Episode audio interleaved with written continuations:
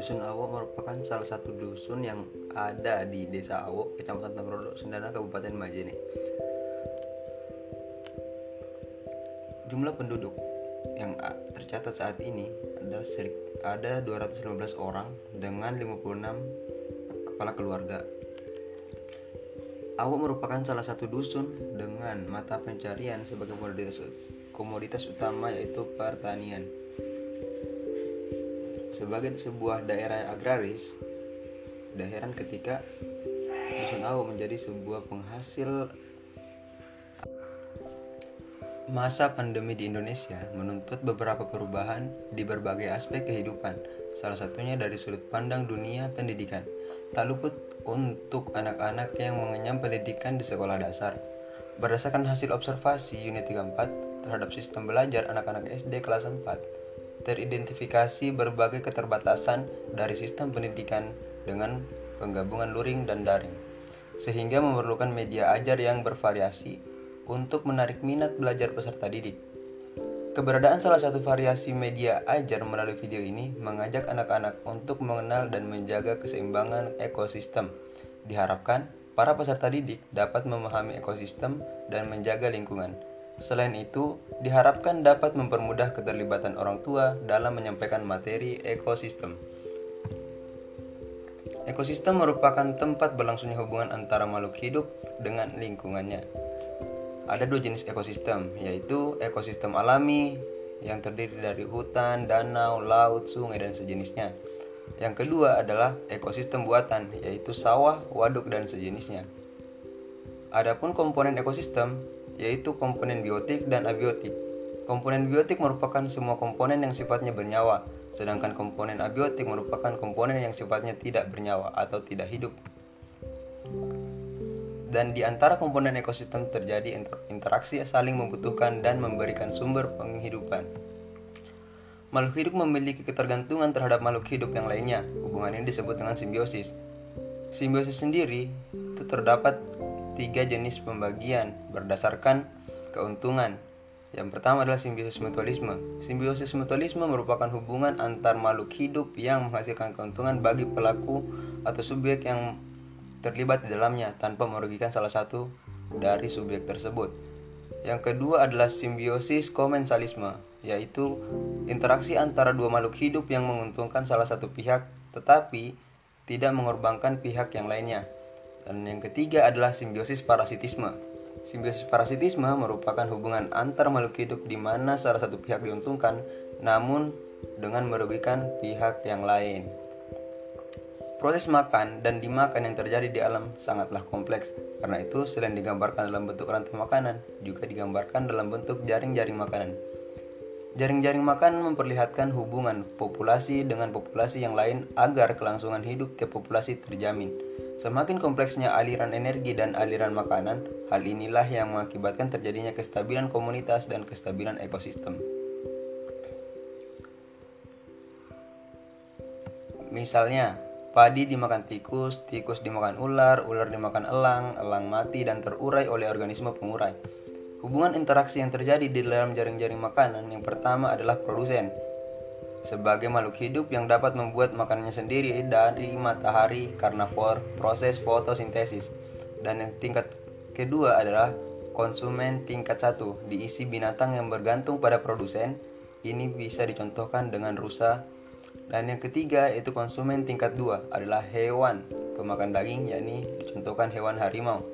Tapi konsumen tingkat tiga dan seterusnya bukan akhir dari jaring-jaring makanan, ada juga pengurai, adalah mikro, mikroorganisme yang bertugas menguraikan di tanah agar menjadi subur dan akan dimanfaatkan kembali oleh tumbuhan untuk membuat makan dan fotosintesis.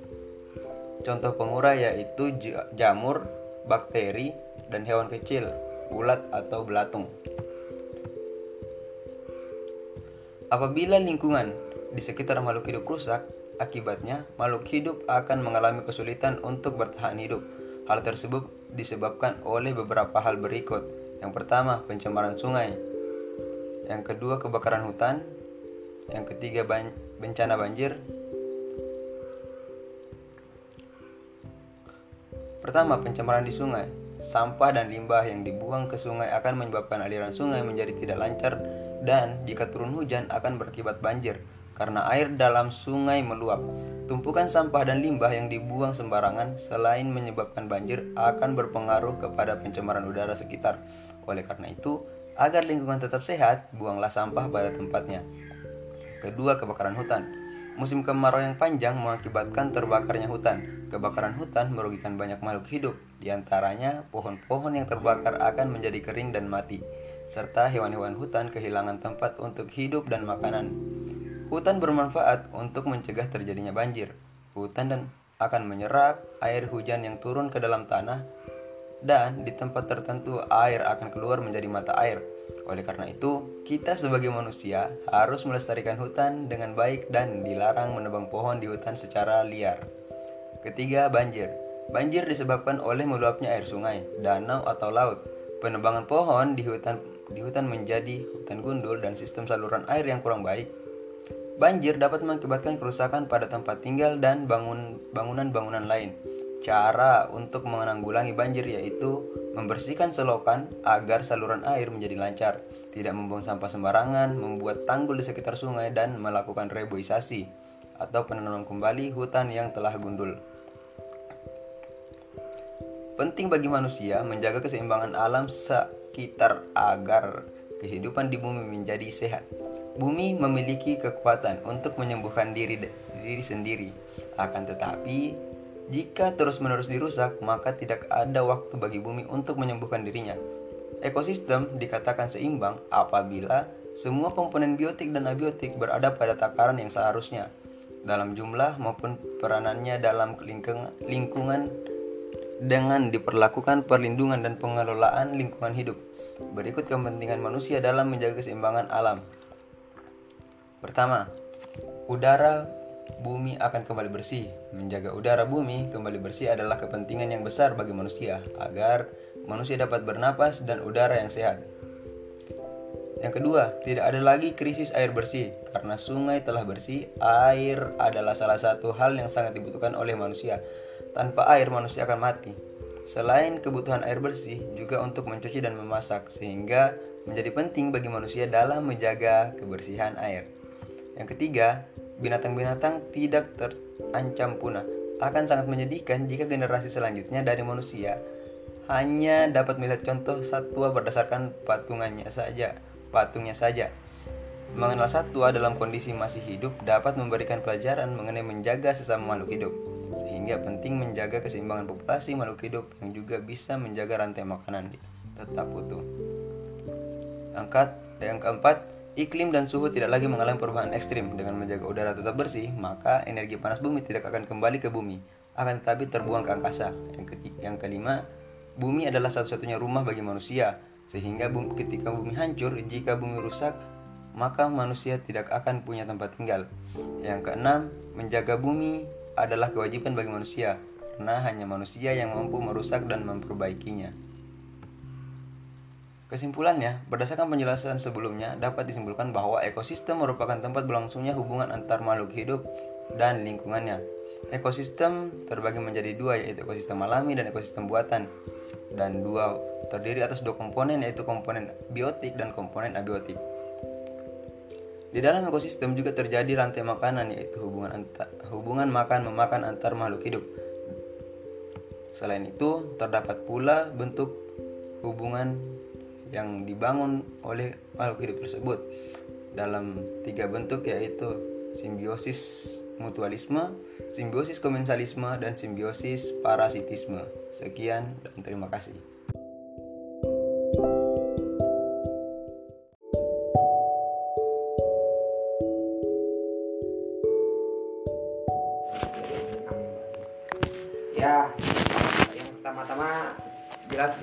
Bersyukur kepada Allah Subhanahu wa di mana kita dapat ngopi santai di sini tentu dengan selipan-selipan dialog nantinya. Nah, langsung saja saya uh, berterima kasih kepada teman-teman dari GMNI, kepada Bung Bila dan kawan-kawan di sini yang sudah mau datang ke gubuk kami, gubuk HM ini. Dan kami juga mengucapkan mohon maaf sebesar-besarnya apabila dari kami ya hanya semacam inilah buku kami bisa menyambut bung-bung dari GMN ini. Nah, untuk selanjutnya karena memang tujuan yang paling utama dari lubuk hati saya yang terdalam mengadakan ngopi santai ini ya pertama untuk membuka pintu silaturahmi lah yang di mana ketika saya masuk HMI memang belum ada ya Bung Wila ya. Gitu ya makanya untuk membuka silaturahmi ini dan harapannya tetap berlanjut. Namun silaturahmi bukan sekedar silaturahmi tapi di sini nanti ada sharing-sharing lah dari Bung Wila dan Bung-Bung yang lain maupun dari kanda-kanda saya sendiri yang hadir di sini. Itu saja dari saya mungkin bisa langsung seperti biasalah merokok ngopi tapi nanti ya. Begitu dari saya. Ini bisa agak geser dulu. di sini nggak mau ya. slow aja. Jangan, jangan bikin sekat deh.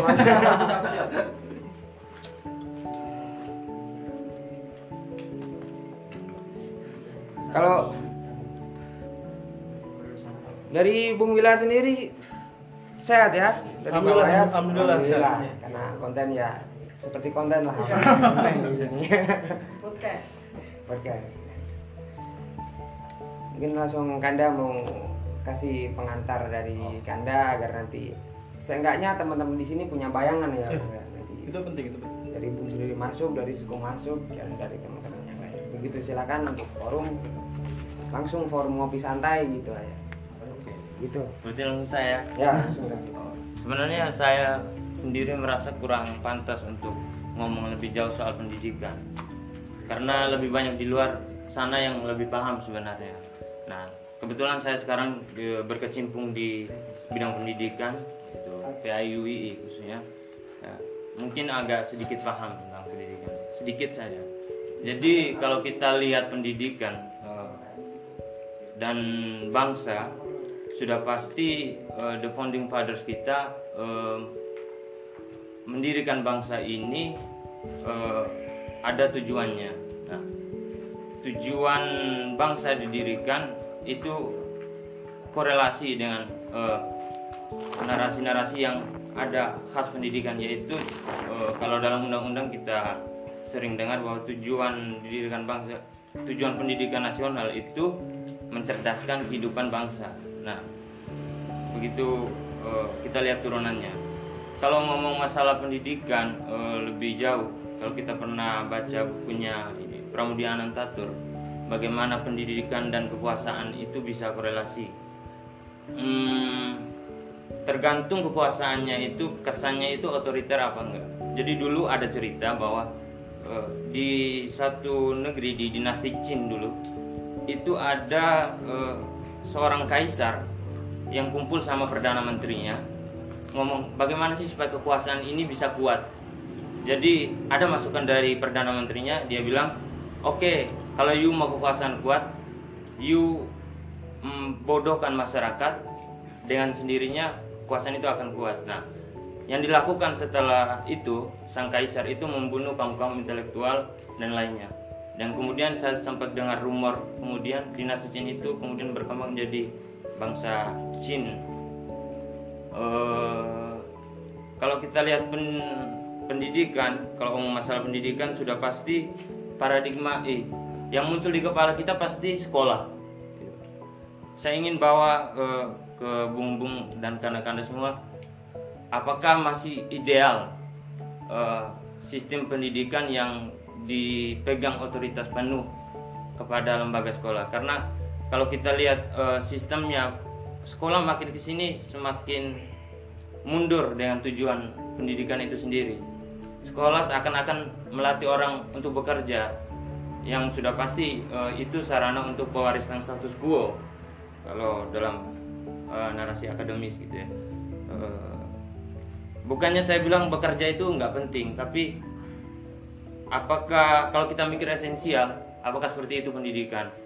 Kalau untuk suatu bangsa yang sudah merdeka, Hmm, banyak kritik kemudian yang mengatakan bahwa pendidikan kita ini masih gaya kolonial. Jadi orang kolonial dulu mempersekolahkan anak-anak dari bangsa yang dijajah itu untuk supaya mereka bisa memberi eh, mendapat tenaga kerja dengan upah yang murah gitu. Eh, seperti itu. Jadi saya ingin memancing apakah masih ideal gitu, Bung.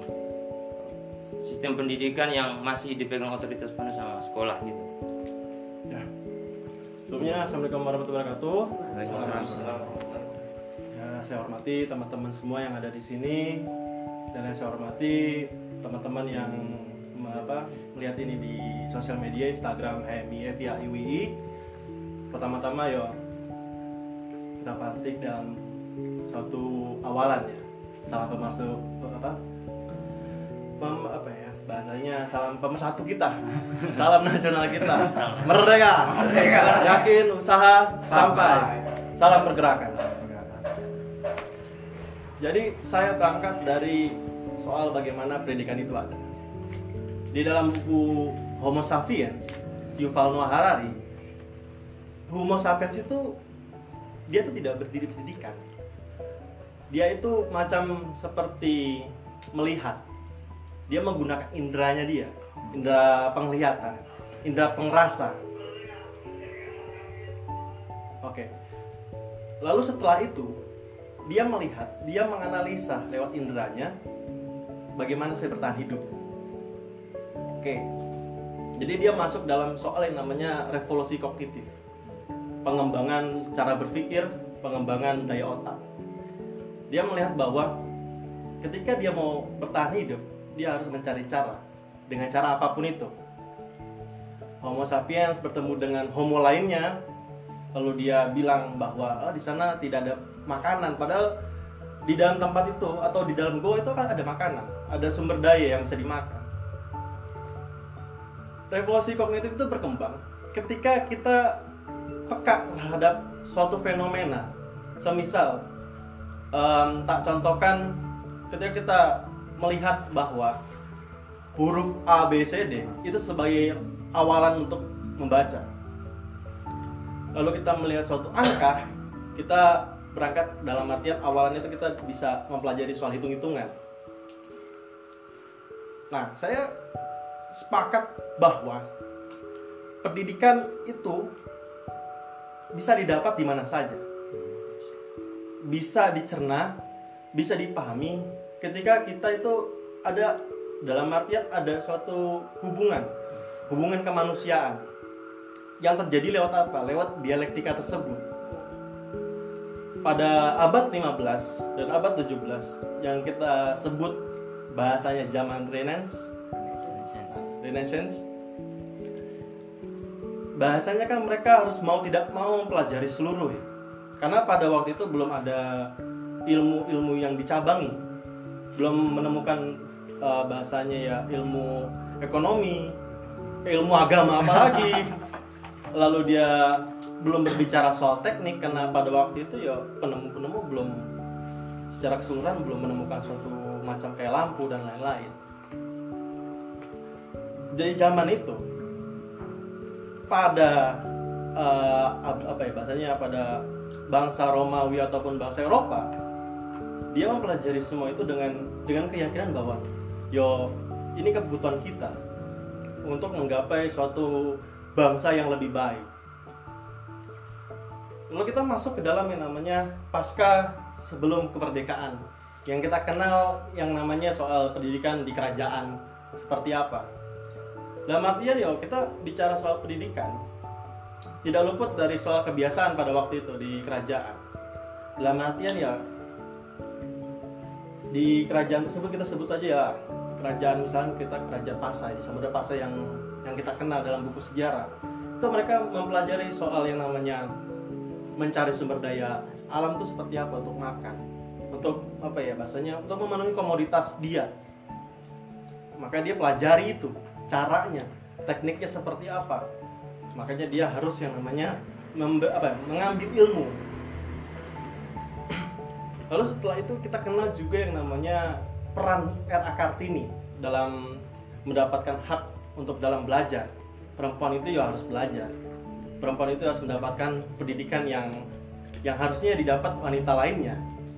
Tidak dia bicara soal yang namanya wanita dijadikan apa atau dia dilihat sebagai objek apa. Nah era Kartini itu memperjuangkan itu, makanya kita sebut di dalam uh, buku sejarah emansipasi wanita. Nah setelah itu yo kita bicara soal zaman kolonial. Memang apa ya benar dikatakan dalam realitas sejarah? Kolonial yo. Dengan semangat glory, gospel dan Gold. goldnya. Ketiga ini yang nggak bisa didapat ketika masyarakat itu tidak apa ya tidak mempunyai sumber daya berpikir sumber daya pengetahuan yang luas. Makanya dia memberikan suatu eh, program-program yang yang menarik untuk dapat diambil. Yaitu apa? Tenaganya pikirannya. Makanya yo yang bahasa bangsa bangsawan di dalam Nusantara atau Indonesia itu mendapatkan haknya dalam berpendidikan tapi ketika kita bicara soal kaum ekonomi yang menengah yang bicara soal namanya pertanian perkebunan itu dia fokus dalam pertanian perkebunan. Ketika kita masuk dalam abad 19 di Indonesia itu ada perkembangan perkembangan dalam ada perkembangan soal yang namanya pendidikan di Indonesia. Lewat budaya pak budaya kolonial budaya barat. Lalu kita kenal yang namanya Ki Hajar Dewantara yang bisa disebut sebagai bapak pendidikan. Dia membawa yang namanya tiga Ing Arso Sung Tuludo Ing Masya dan Tut Uri Handayan konsep ini berkembang sampai sekarang tapi ya yang tak melihat bahwa sekilas sejarah ini ya kita bisa sebagai landasan kita untuk apa ya memperjuangkan pendidikan itu. Karena bagiku kita semua yang di sini yang sedang menempuh pendidikan di perguruan tinggi itu sangat mempunyai andil besar ke depan sebagai guru di masa bangunan. Kita semua bisa menjadi guru di mana pun dan kapan pun. Tapi aku melihat bahwa ketika kita melihat pendidikan Indonesia di dalam buku pendidikan kaum tertindas bu- apa bukunya? Paulo Ferry. Dia bicara soal anti dialogika dan dialogika nanti anti dialogika itu dia bicara soal yang namanya murid itu dia mencontohkan sebagai em, orang yang kopong. Bahasanya dia tuh dia tidak melihat bahwa eh tenaga apa ya? Bahasanya yang diajari oleh tenaga pendidik dia tidak melihat bahwa ada harus yang dipelajari apa ya harus ditanamkan yaitu soal yang namanya karakter. Benar apa yang dikatakan founding father kita? Ketika kita bicara soal pendidikan ya harus bicara soal penanaman karakter building nation building. Itu penting. Karena ya aku melihat pada kilas balik zaman baginda kita Rasulullah SAW itu dia melihat bahwa apa yang harus diubah di dalam kaumnya dia yo akalnya. Makanya kita sebut yang namanya kaum madani. Ya kan? Kaum madani. Maka dia tidak dia tidak bisa melihat bahwa ya kalau misalkan tidak diubah dengan akalnya ya nggak bisa. Dia mensalurkan transformasi nilai-nilai keislaman. Apalagi soal yang namanya UII yang bicara soal Islam rahmatan lil alamin. Kalau kita masuk di zaman globalisasi ya tapi sebelum itu kenapa saya contoh karena kita tak kita harus pahami bahwa sejarah itu sebagai landasan. Tapi yang paling penting adalah fenomena sekarang. Kalau sejarah itu jelas balik kita semua punya punya komponen yang sama. Karena sejarah mencatat ya seperti itu. Gak mungkin sejarah mencatat bahwa pendidikan itu lahir dari yang namanya negara ataupun bangsa Romawi zamannya Kratos, Asito dan lain-lainnya gak mungkin di zamannya Karl Marx, Adam Smith dan Bakunin gak mungkin. Karena sejarah itu mencatat di situ. Makanya tak bilang kenapa aku harus loncat-loncat karena kita mempunyai kilas balik yang sama. Tapi yang harus kita pahami adalah kita harus melihat bahwa fenomena yang sekarang pendidikan di Indonesia karena pertanyaannya idealnya seperti apa? Atau apa masih ideal kah? Kan seperti itu. Tapi yang kita harus pahami adalah pendidikan itu terlepas bahwa ada per- pergeseran ada pergeseran pendidikan dari yang namanya orde lama orde baru dan reformasi. Itu kalau di Indonesia itu patokannya tiga itu sebenarnya kalau kita bicara soal sekarang. Ketika bicara soal orde lama dia bicara soal sekolah rakyat lalu peran organisasi siswa atau mahasiswa itu sangat dikencangkan lalu kita bicara soal orde baru bicara soal pelita pembangunan lima tahun. Itu kan menyasar soal pendidikan lalu pertanian dan politik tentunya. Tapi di zaman orde baru keadaan pendidikan itu dipengaruhi oleh politik konfigurasi politik. Dan itu harusnya bisa di-scan. Karena bagaimanapun juga peran politik ya politik. Pendidikan ya pendidikan. Nah itu evaluasi pribadi saja sebenarnya lalu kita pasca reformasi yang menghadirkan soal undang-undang pendidikan 2002 lalu masuk ke namanya kurikulum 2003 ya kan? Itu sangat panjang prosesnya. Aku punya cerita soal yang namanya waktu di tahunku itu di 2013 soal yang namanya wacana kurikulum 2013 dia bicara soal siswa itu harus mandiri siswa itu harus um, macam kayak anak mahasiswa yang bertanya-tanya. Itu aku merasakan. Tapi setelah itu diganti lagi menjadi kurikulum 2006 SKN 2006 nah ini kan agak apa ya bahasanya ada evaluasi di situ. Ada evaluasi. Makanya ketika kita bicara soal pendidikan Indonesia memang agak kompleks tebel gitu loh. Karena ya kita juga harus bicara soal aspek keseluruhan. Kalau kita lihat yang yang mendapatkan hak pendidikan kan ya yang mempunyai ekonomi yang menengah dan ke atas. Tapi bagaimana yang ekonomi ke bawah dan kaum marginal? Ya kan? Kita bicara soal kaum marginal kita bicara soal uh, desa-desa. Soal pendidikan yang tidak merata ini. Lalu Halo.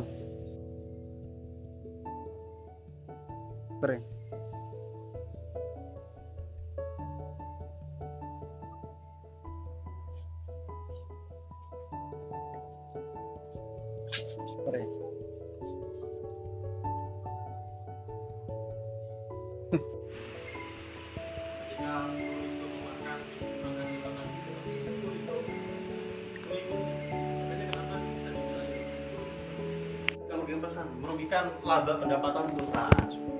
Nah, makanya kenapa bisa dibilang skema pendidikan kita yo dari ada beda nih ya. Sekolah dasar SMP SMA tapi kuliahnya yang beda. Dihadapkan situasi yang berbeda kenapa? Kenapa demikian? Karena yo dari sekolah dasar tersebut kita sudah dicengkram oleh yang namanya kita harus berubah bisa. Dengan perubahan pendidikan yang tadi tak bilang kalau di zamannya abad keemasan kan yo semua emang harus dipaksakan harus baca semua harus memahami atau mendapatkan pengetahuan yang sama.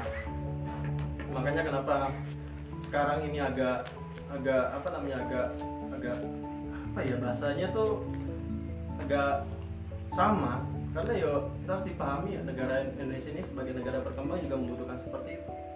Tapi yang tidak didapat adalah soal yang namanya pendidikan karakter pendidikan mental terus pendidikan soal yang namanya kamu membangun suatu kekeluargaan. Karena yang kita hadapi adalah soal realita kompetisi. Lo aku bisa berkompetisi denganmu. Contoh misalkan ketika aku kuliah nih kamu mendapatkan nilai E aku nilai nilai AB ya kan? Dengan satu kompetisi tapi tidak ada soal dialektika antara kita. Kamu berpacu dalam yang namanya teoritis ya aku berpacu secara studi empiris studi pengalaman dan berangkatnya dari teori yang berbeda. Lalu ada pembatasan soal yang namanya kamu harus mempelajari A, B, C, D. Padahal ya dirimu pengen yang lain. Meskipun jurusannya sama gitu kan.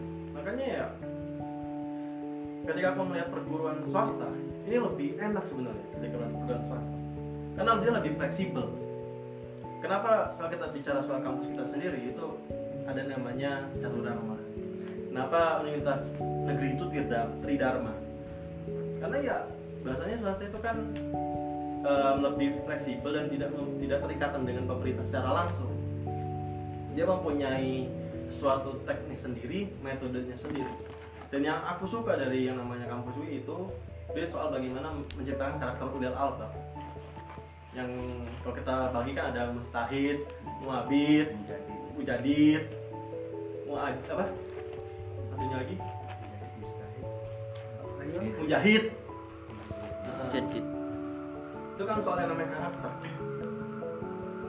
Kalau kita mendapatkan karakter itu dari eh sekali di sekolah dasar ya mungkin agak berbeda soal kita bicara ketika kita ditempuh di perguruan tinggi ini. Ketika kita di perguruan tinggi kita dihadapi dengan oke kita mau jurusan A B C D lalu kita bahasa istilah nggak salah jurusan gitu kan. Jadi kan kadang kadang aneh. Ketika kita ngobrol sama teman sendiri kan jurusan apa? Jurusan manajemen. Tapi aku pengennya teknik kok ini dia dia beranggapan bahwa dia jurusan apa salah jurusan. Nah itulah sugesti sugesti itu. Karena karakternya tidak kuat. Karakter tidak kuat. Kalau kata apa ya istilah-istilah zamannya kalau ini kan karakter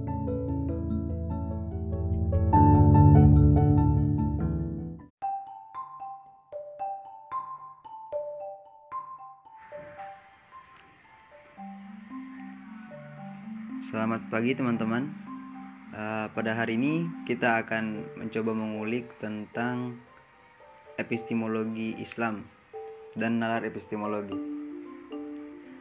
Sebelum kita jauh membahas tentang epistemologi Islam klasik dan membahas tokoh-tokoh yang berperan dalam perkembangan ilmu pengetahuan Islam masa Islam di masa lalu, kita coba mengulik tentang apa sih nalar epistemologi.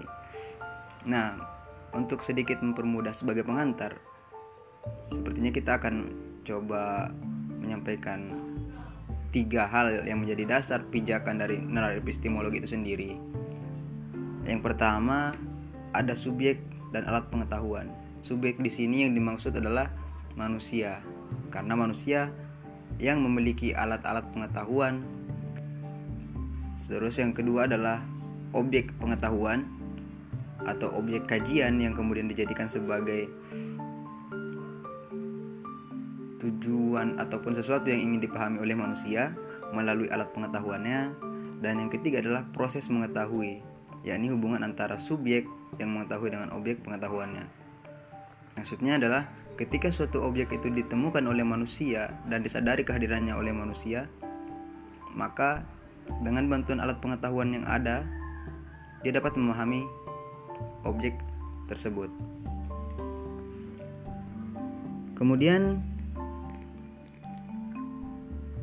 sebelum jauh melangkah, mungkin sepertinya akan agak panjang kita bahas ini teman-teman karena kalau kita tidak paham tentang subjek pengetahuan, objek pengetahuan dan proses mengetahui, sepertinya akan sulit bagi kita untuk kemudian melangkah jauh, terutama ketika ketika ingin membahas masalah epistemologi-epistemologi dari para pemikir-pemikir yang terdahulu. Baik itu pemikir Islam maupun pemikir pem, uh, mohon maaf baik itu pemikir-pemikir dari kalangan muslim maupun pemikir-pemikir dari orang-orang yang dikatakan sebagai uh, eh, non muslim seperti itu seperti itu teman-teman. Baiklah epistemologi sendiri itu sering dikatakan sebagai uh, pengetahuan atau ilmu ilmu pengetahuan begitu teman-teman. nah, meminjam istilahnya si Edmund Edmund Husserl dalam mencapai suatu ilmu pengetahuan atau Shao beliau mengatakan bahwa hadirnya pengetahuan itu karena ada subjek yang menyadari kehadiran sesuatu yang kemudian disebut sebagai objek. Maksudnya, maksudnya seperti apa? Contohnya Anda uh, teman-teman sekalian sekarang punya apa di sebelahnya? Punya mungkin ada buku. Buku itu merupakan objek, sedangkan teman-teman itu sebagai subjek. Adanya buku di sebelah teman-teman itu menjadi sebuah itu akan menghasilkan sebuah interaksi ketika teman-teman sebagai subjek itu sadar tentang adanya buku tersebut. Dan kemudian teman-teman e, berinteraksi dengan apa? Dengan indera atau alat pengetahuan yang teman-teman miliki. Indera itu merupakan salah satu alat pengetahuan. Untuk para para tokoh-tokoh pemikir sendiri itu mereka memiliki alat pengetahuan yang mereka kategorikan berbeda-beda. Ada yang mengatakan bahwa alat pengetahuan manusia itu hanya akal, ada juga yang mengatakan bahwa alat pengetahuan itu hanyalah indera, ada yang mengatakan bahwa keduanya merupakan alat pengetahuan dan bahkan ada juga yang mengatakan bahwa alat pengetahuan manusia itu selain terdiri dari indera dan akal juga terdapat salah satunya uh, satu lagi yaitu nurani atau mungkin sering dikatakan sebagai uh, dalam istilah sekarang itu sering dikenal dengan istilah intuisi. Nah, itu pengenalan tentang alat pengetahuan, teman-teman. Untuk di untuk beberapa tokoh-tokohnya sendiri nantinya kita akan membahas bahwa mereka memiliki kategori tersendiri mengenai alat pengetahuan. Alat pengetahuan seperti apa yang kemudian diyakini oleh masing-masing tokoh masing-masing tokoh tersebut. Selanjutnya objek pengetahuan. Objek pengetahuan itu juga masih terpengaruh dengan uh, keyakinan seorang tokoh terhadap alat pengetahuan. Contohnya ketika uh, salah satu dari kita mungkin yang meyakini bahwa alat pengetahuan itu hanya hanyalah akal maka sesuatu yang material itu bukan objek pengetahuan yang sebenarnya atau bukan objek pengetahuan yang hakiki melainkan apa yang terpikir dari akal yang kemudian rasional itulah itulah objek pengetahuan. Berbeda dengan teman-teman yang uh, katakanlah memilih jalur empirisme atau material maka alat pengetahuan yang digunakan itu adalah indrawi. Jadi korelasi antara peng, uh, alat pengetahuan dan objek pengetahuan itu mempengaruhi juga proses mengetahui ke depannya. Kenapa? Karena ketiganya merupakan satu kesatuan yang sebenarnya tidak bisa dipisahkan. Ketika salah satunya cacat, maka tidak akan lahir sebuah pengetahuan-pengetahuan atau ada kecatatan kecacatan dalam uh, pengetahuan tersebut sehingga alat pengetahuan dan objek pengetahuan itu akan melahirkan suatu proses proses untuk mengetahui. Artinya di sana ada relasi yang menghubungkan sehingga terlahir sebuah wawasan baru. Entah itu untuk diri si pemikirnya sendiri ataupun untuk kemudian disebarluaskan kepada orang lain. Baik secara verbal maupun secara tulisan. Mungkin sebagai pengantar oh satu lagi teman-teman. Ada lagi yang namanya ada yang menyatukan antara indrawi dan akal. Salah satu tokoh yang uh, lumayan terkenal dan terkenal dalam ranah filsafat adalah Immanuel Kant. Beliau, ber, beliau berusaha menggabungkan antara alat pengetahuan indrawi dan juga alat pengetahuan akli atau rasional. Sehingga objek pengetahuannya pun lebih luas daripada dua uh, dua pendapat yang sebelumnya yaitu yang hanya mengatakan yang mengatakan bahwa hanya akal yang menjadi alat pengetahuan maupun yang mengatakan bahwa hanya indrawi lah yang menjadi alat pengetahuan. Luasnya objek pengetahuan yang yang ada ketika meyakini bahwa alat pengetahuan itu masih uh, bisa digabungkan antara indrawi dan akal bahkan lebih luas lagi ketika uh, ada penambahan tentang intuisi dan meyakini bahwa intuisi ataupun sesuatu yang hadir dalam diri manusia itu merupakan alat pengetahuan maka objek pengetahuannya pun akan semakin luas lagi. Dan otomatis proses mengetahui terhadap sesuatu tersebut itu pun semakin dan sedikit akan lebih rumit. Karena harus menggabungkan beberapa bagian-bagian yang diyakini sebagai alat pengetahuan. Dan objek pengetahuannya pun terbilang luas. Itu teman-teman. Mungkin sebagai pengantar uh, nalar epistemologi itu cukup. Dan ini dikutip dari bukunya saudara Aksin Wijaya dokter saudara dokter Aksin Wijaya dalam bukunya Satu Islam Ragam Epistemologi menyingkap pergeseran epistemologi Islam dari epistemologi teo teosentrisme ke antroposentrisme. Nah, nanti kita akan membahas tentang epistemologi filsafat paripatetik emanasionis dimulai dari Al-Kindi hingga Ibn Sina yang kemudian beralih kepada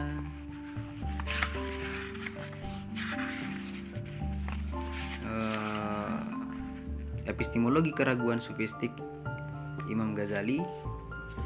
Kemudian dilanjutkan eh, kepada pemikir-pemikir setelahnya yaitu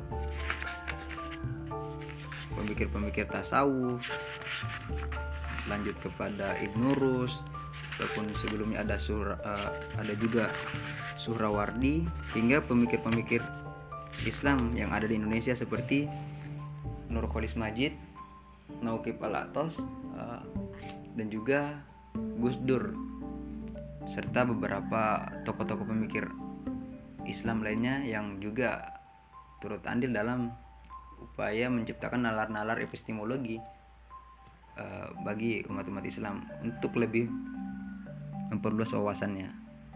Terima kasih. Selamat pagi, selamat beraktivitas.